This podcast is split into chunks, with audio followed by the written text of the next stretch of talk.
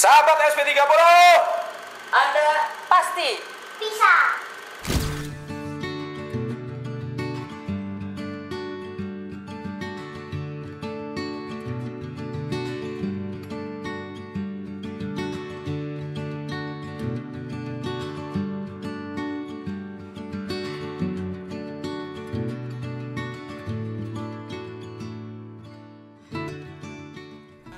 Ya, kita lepas masker. Sahabat SP30, salam hebat luar biasa.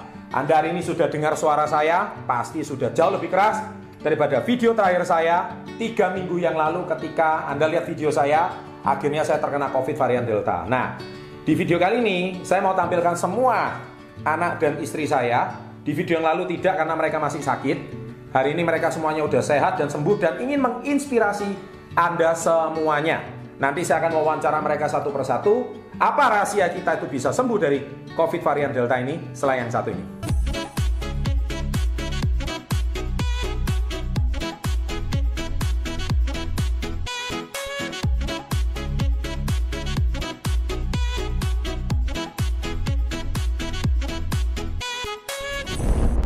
Oke, nanti terakhir saya akan bicara, tapi saya mau tanya dari Nixon dulu. Nixon mulai panas itu tanggal 28, 29. 29 Juli. Juni. Nah, rasanya gimana? rasanya tenggorokan sakit, Sakit, terus badan ya panas, panas, terus kemudian ya udah batuk-batuk gitu. batuk-batuk. Tidurnya capek ya, seharian tidur terus. Ya, se- seharian tidur Berapa lama itu dia? tiga, Tiga hari ya, tiga hari. Tiga hari. Dua sampai tiga hari lah ya. Dua sampai tiga hari, panas demam. Iya. Demamnya paling tinggi berapa? 37,6. enam Badannya sakit semua nggak? Hmm, pasti Badan terasa sakit semua. Ada. Tapi setelah hari ketiga udah sembuh. ya sudah langsung enak Sisa batuk-batuknya sih. Sisa batuk-batuk aja. Batuk-batuknya. Terus sempat anosmia. Anosmia itu kehilangan indera penciuman. oh iya Sempat. Sempat ya. Nah, jadi Nixon usia 12. Jadi kalau anak-anak guys, anak-anak itu memang pasti lebih cepat recovery-nya lebih cepat sembuh Iya. dibandingkan orang tua. Nah, sekarang yang kedua saya tanya istri saya. Tanggal berapa kenanya awalnya itu? Yang pertama kena itu istri saya sebetulnya guys. 28 Juni, sehari sebelum Nixon. 28 Juni Aha. sehari. Reaksinya seperti apa? Jadi hari. Senin itu badan dari siang itu terasa dingin. Jadi sampai malam itu dingin terus.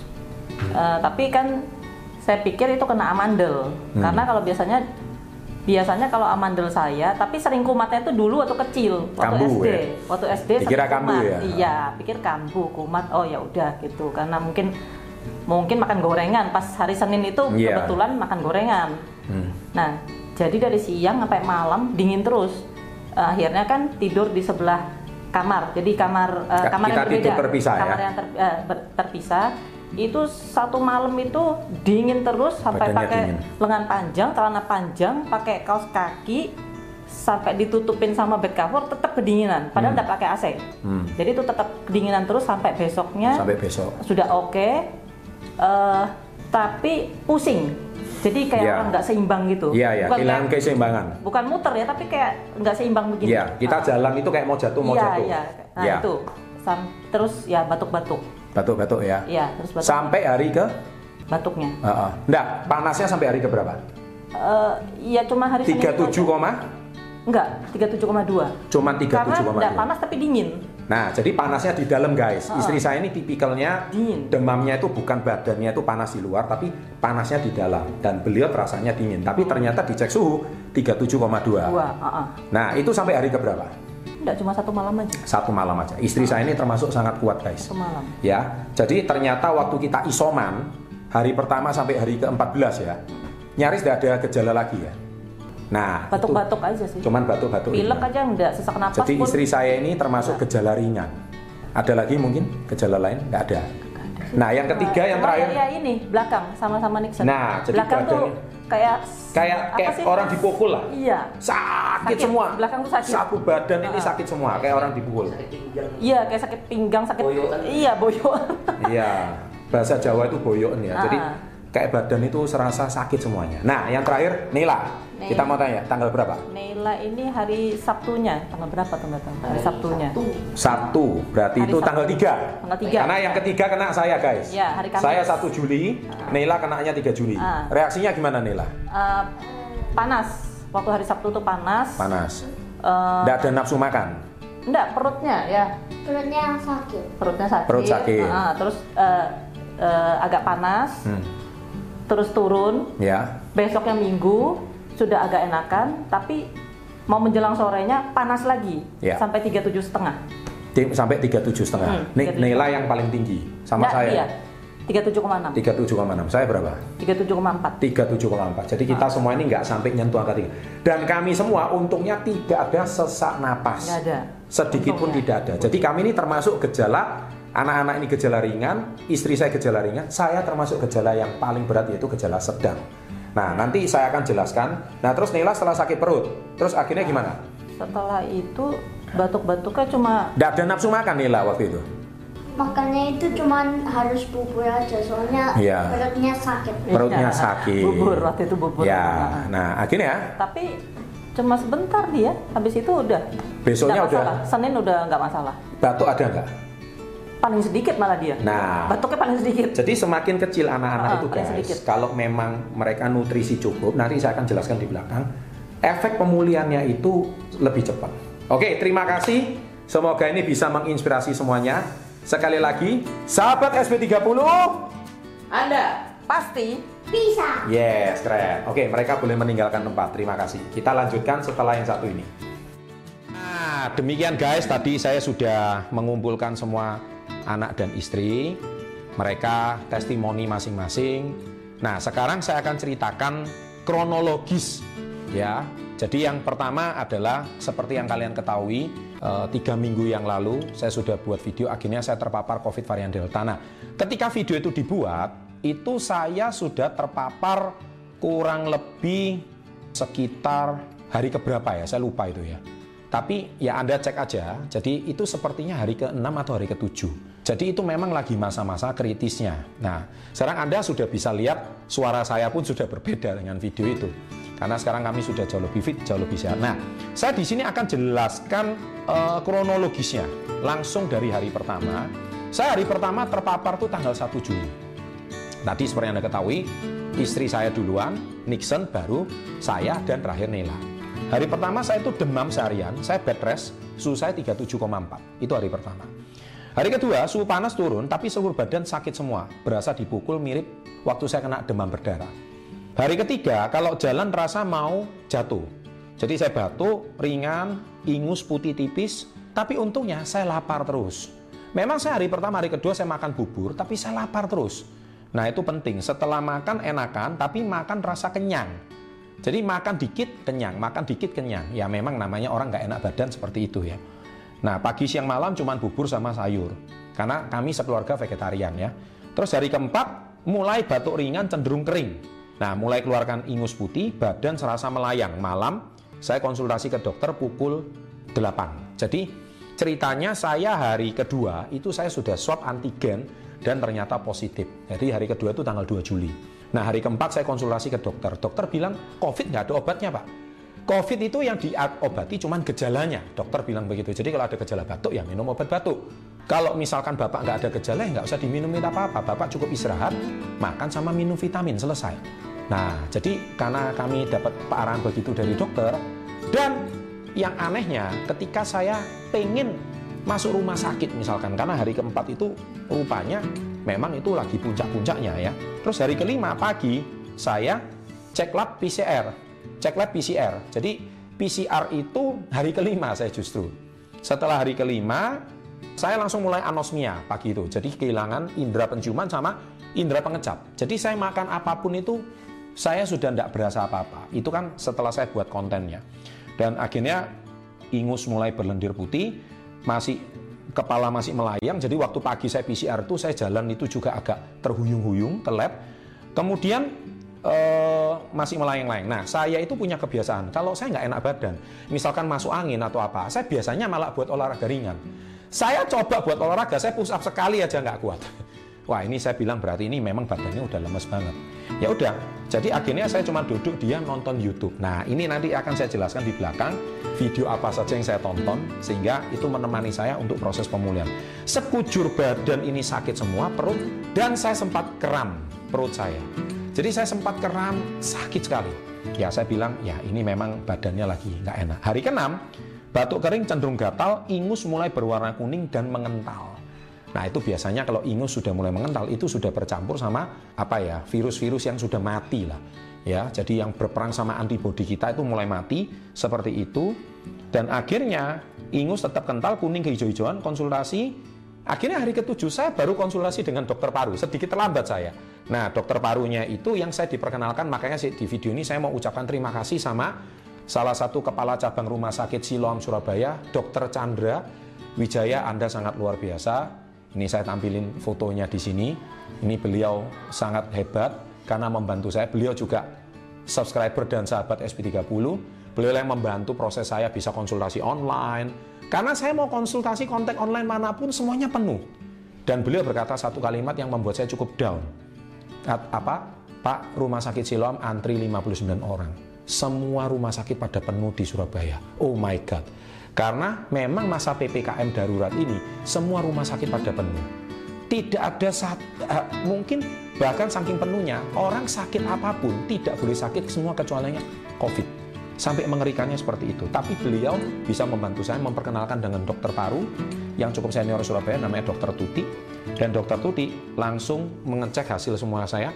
Untungnya hasil paru-paru cek paru-paru saya hasilnya saya sama istri setelah ronsen bersih tidak ada sedikit pun masalah ya dan satu lagi, kami tidak mengalami sesak napas sekalipun. Memang yang namanya tarik napas, batuk nggak enak, tapi kami tidak ada sesak napas sama sekali. Saturasi oksigen kami selalu di atas 95. Jadi kami tidak pernah saturasi oksigen turun di bawah 95. Puji Tuhan, Alhamdulillah, itu kemungkinan besar karena memang imun kami kuat. Nah, nanti saya akan jelaskan. Ini kan gejalanya dulu. Nanti saya jelaskan kenapa faktor kami bisa sekuat itu.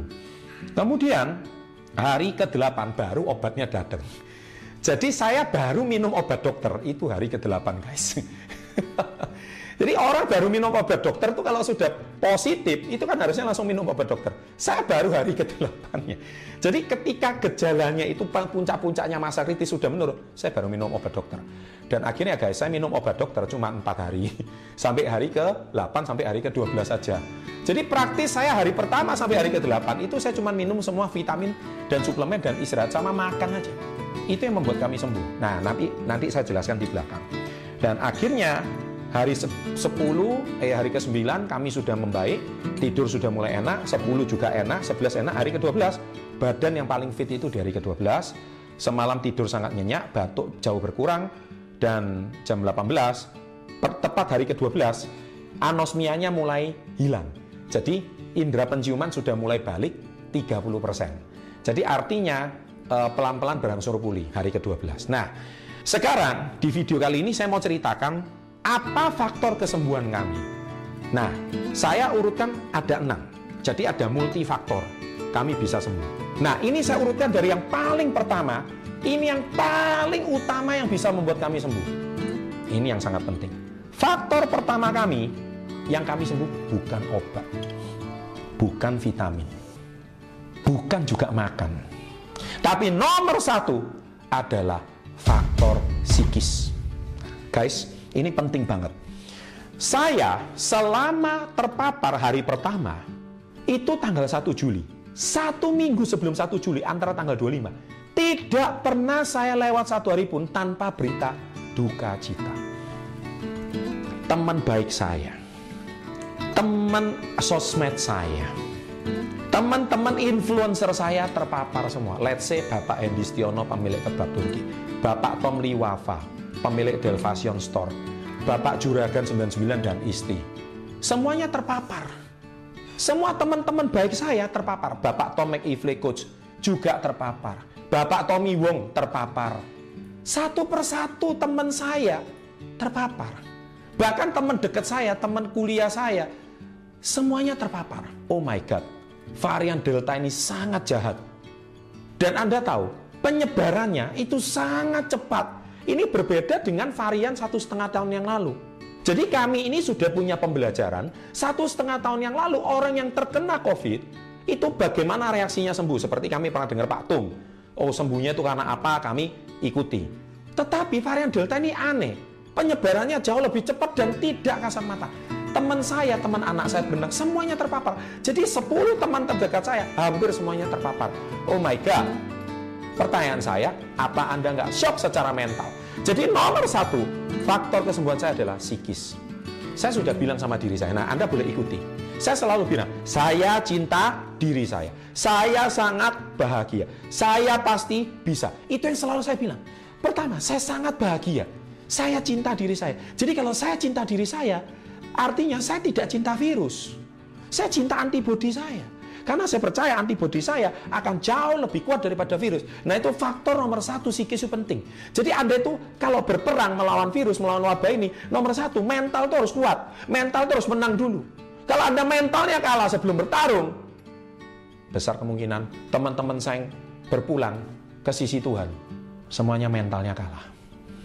Yang saya paling mengagetkan, saya Anda lihat kan video saya, salah satu tokoh yang saya kagumi meninggal Salah satu teman baik saya, IO, usia 24 tahun, meninggal karena COVID. Kok bisa 24? Masih muda, imunnya kuat. Karena ternyata beliau barusan ditipu.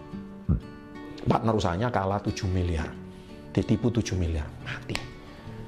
Stres, mikirin bagaimana uangnya balik, drop, drop, drop, drop, saturasinya turun, berangkat. COVID varian Delta ini tidak mengenal usia guys. Saya mau beritahu Anda ini sangat berbahaya COVID yang varian ini. Ini varian India ini memang fatal. Makanya, tapi waktu saya terpapar pertama, saya tahu besok PCR negatif, uh, antigen saya positif. Saya drop? Enggak. Saya takut? Enggak. Malah saya bilang apa sama diri saya?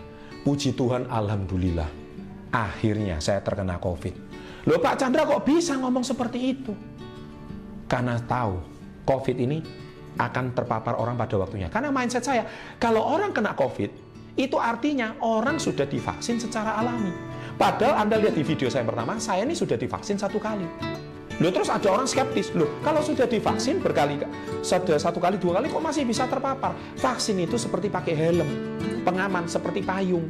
Jadi kalau anda jatuh nggak sampai ke gerota. Jadi kalau anda vaksin itu perlindungan. Justru saya berkata, justru saya bersyukur saya sudah divaksin pertama kali. Akhirnya saya cuma terkena gejala ringan sedang. Jangan-jangan kalau saya belum vaksin saya terkena. Wah, mungkin bisa jadi efeknya nggak seperti ini guys. Ini penting. Jadi tabungan tubuh saya ini dari imun yang kuat, saya olahraga selama ini, saya minum suplemen selama ini, itu rupanya menjaga tubuh saya tetap imunnya kuat. Dan yang terpenting, psikis saya sehat. Mental saya kuat. Istri saya bahkan takut anak-anak dan sebagainya. Saya mau nggak usah takut, santai aja. Nah, nomor satu, apa yang saya lakukan dengan psikis? Saya afirmasi sama diri saya. Saya cinta diri saya, saya sangat bahagia, saya pasti bisa. Saya lebih kuat dari COVID. Tubuh saya lebih kuat dari COVID. Ciptaan Tuhan ini lebih kuat dari COVID. Antibodi kita lebih kuat. Nah, itu yang memerangi kita yang kuat. Dan yang kedua, ya pasti kita berdoa. Nah, berdoa, saya nggak mau bahas di sini karena berdoa menurut agama dan keyakinan masing-masing. Itu penting sekali. Nah, jadi faktor pertama guys ya, kunci kesembuhan saya, faktor pertama yang paling penting dan ini mendominasi 80% faktor kesembuhan saya. Saya berani bilang 80%. Faktor psikis. Ya. Nah, yang kedua, ini penting. Ini juga menentukan menurut saya 15%. Nah, 15% guys yang kedua adalah vitamin. Kebetulan saya memang bergerak di bidang food supplement. Jadi saya memang konsumsi yang pertama Vitayang, uh, susu skim yang dengan probiotik rasa original. Ini untuk meningkatkan imun. Jadi kalau kita misalkan terpapar, ini tinggi kalsium dan sumber protein, saya terpapar, ini kita harus banyak sekali vitamin-vitamin. Yang kedua Vitayang high protein, ini minuman campuran kedelai. Nah, jadi akhirnya ketika saya konsumsi, ini memang kekuatannya sangat luar biasa. Memang vitamin saya yang menopang saya selama tujuh hari awal saya nggak konsumsi obat dokter. Yang ketiga, saya juga minum super green food. Ini campuran spirulina dan chlorella dan ini memang uh, juga mengandung PIPARS, PPARS. Ini juga sangat bagus untuk imun kita dan kesehatan lambung kita. Dan ini juga bisa meningkatkan antibodi kita. Dan yang keempat, yang penting juga vitamin C. Vitamin C di sini with zinc ya. Jadi vitamin C itu juga penting karena vitamin C itu juga sama zinc itu antiinflamasi. Jadi saya konsumsi ini kebetulan produk saya sendiri semua. Yang kelima yaitu imun booster, yaitu uh, uh, produk yang sangat bagus untuk imun kita karena ini menyerupai ini adalah antioksidan alami namanya Niwana SOD. Nah, saya juga nggak skeptis guys. saya juga nambahkan lagi vitamin yang kebetulan di perusahaan saya tidak ada. Contohnya saya minum merek GNC, ya. Ini vitamin D karena di perusahaan saya tidak ada vitamin D. Nah, saya konsumsi vitamin D3 ini. Saya sampai beli di GNC. Saya juga tidak menutup hubungan berarti saya, wah, saya cuma minum vitamin perusahaan saya aja, saya nggak mau. Saya bukan orang seperti itu.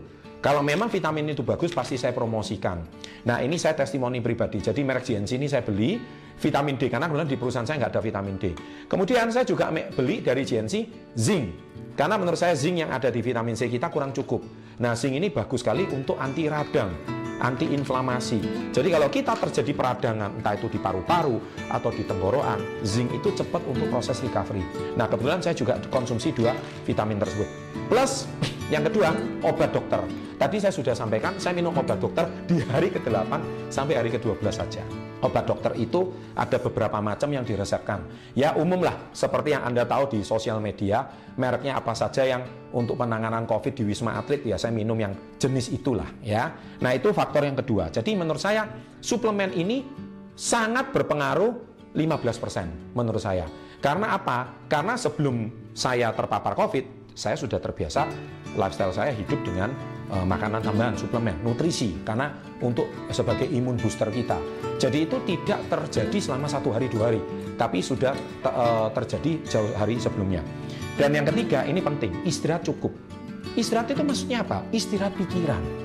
Bukan cuma istirahat. Kalau Anda pejam mata, tapi pikirannya melayang ke mana-mana. Ini berita duka cita, ini meninggal. Itu sama aja nggak istirahat. Karena Anda khawatir. Istirahat yang saya maksudnya apa? Stop sosmed WA di stop. Saya hari itu total tidak buka sosmed sama sekali. Semua berita duka cita saya tahu setiap hari, setiap saat itu masuk. Saya off semuanya. Terus saya ganti apa? Nonton YouTube yang lucu-lucu. Jadi istirahat pikiran saya ini relax. Nonton channel yang ketawa-ketawa, nonton channel masak-masak karena saya suka kuliner juga. Jadi saya nonton channel masak-masak, terus nonton. Nah, yang penting saya nonton nostalgia lagu-lagu lama. Jadi saya suka lagu-lagu lama seperti zaman dulu itu ada lagunya Andi Lau, saya nyanyi lagunya Andi Lau. Saya suka Bruri Pasulima, saya no, no, apa nyanyi lagunya Bruri Pasulima. Saya suka lagunya zaman dahulu ketika saya kecil, itu saya putar semuanya. Lagu-lagu kenangan masa kecil. Itu mengingatkan saya kepada memori-memori indah. Nah, itu penting. Karena itu termasuk istirahat. Jadi ketika istirahat, pikiran kita istirahat, relax, imun kita naik. Tapi kalau setiap hari kita menonton berita-berita yang aneh-aneh itu tadi, akhirnya membuat imun kita drop dan kita tambah khawatir. Yang keempat, makan. Nah, ini penting. Makan menurut saya ini faktornya sangat besar. Ya ini makan juga sangat berpengaruh sama suplemen. Jadi menurut saya ini jadi satu paket 15%. Karena antibodi kita ketika fight melawan virus, antibodi kita itu perlu pasokan makanan.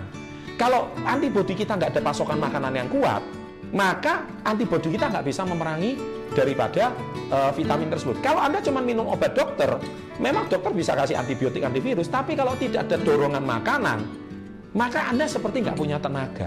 Nah kebetulan kami sekeluarga lapar terus sejak hari pertama. Jadi masalah makanan, memang kami makan bubur hari pertama, hari kedua, tapi hari ketiga kami terus makan dan lapar terus. Meskipun cepat kenyang, makan dikit kenyang, tapi kami terus makan karena kami tahu ketika kami sakit kami harus makan. Nah kesalahan banyak orang waktu terkena COVID adalah mereka tidak mau makan, tidak ada nafsu makan dan diikuti uh, rasa lidah yang nggak ada rasa, mereka makan makanan tidak bergizi. Nah, kami makan terus. Itu salah satu faktor kesembuhan saya. Dan yang kelima, kami paksakan diri untuk berjemur 15 menit setiap hari. Jadi setiap pagi kami pasti berjemur 15 menit. Ya, nanti saya juga tampilin foto kami di sini. Saya berjemur mau apa pun karena vitamin D alami sunbathing itu dari uh, alami dari Tuhan itu langsung itu menyerap ke tubuh kita. Dan yang keenam yang faktor yang terakhir adalah nonton film ya yang positif lakukan hobi yang kamu nggak pernah lakukan selama ini. Jadi saya percaya selama isoman 14 hari ini dan tiga minggu ini dan ini akhirnya guys saya tunjukkan hasilnya. Ini yang terakhir. Hasilnya adalah kami hari plus 21 saya kemudian istri saya H plus 25 hasil PCR kami sudah negatif.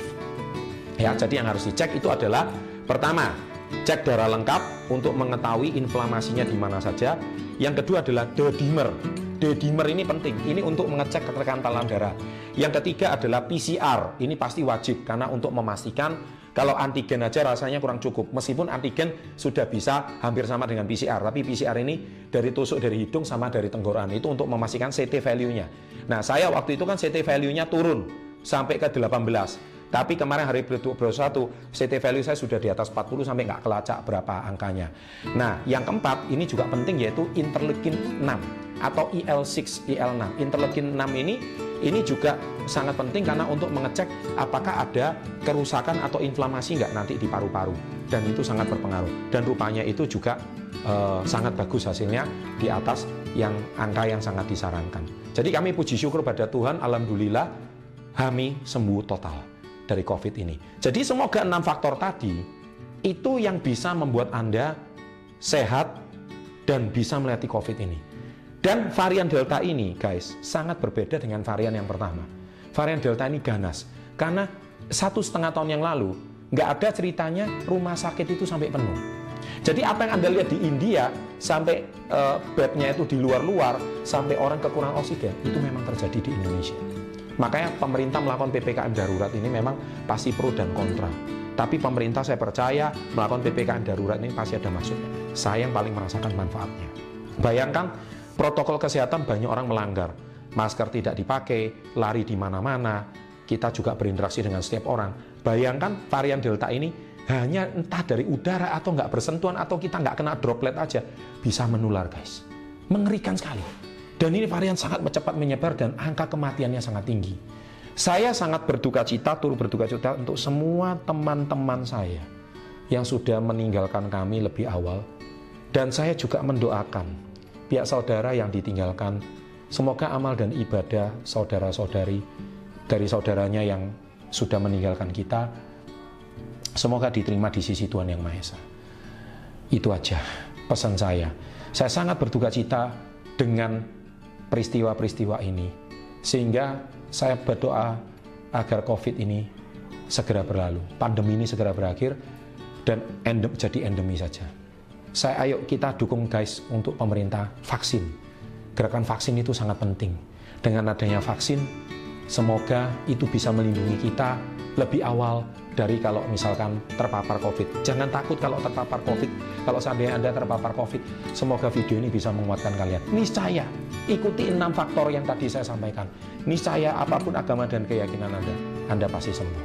Kalau kami sembuh, Anda pasti juga bisa sembuh. Demikian video ini kali ini saya buat. Semoga bisa menginspirasi Anda semua. Sukses selalu, sehat selalu. I'm back. Saya kembali ke YouTube dan saya pasti buat konten lagi untuk menyemangati Anda semua. Salam hebat, luar biasa.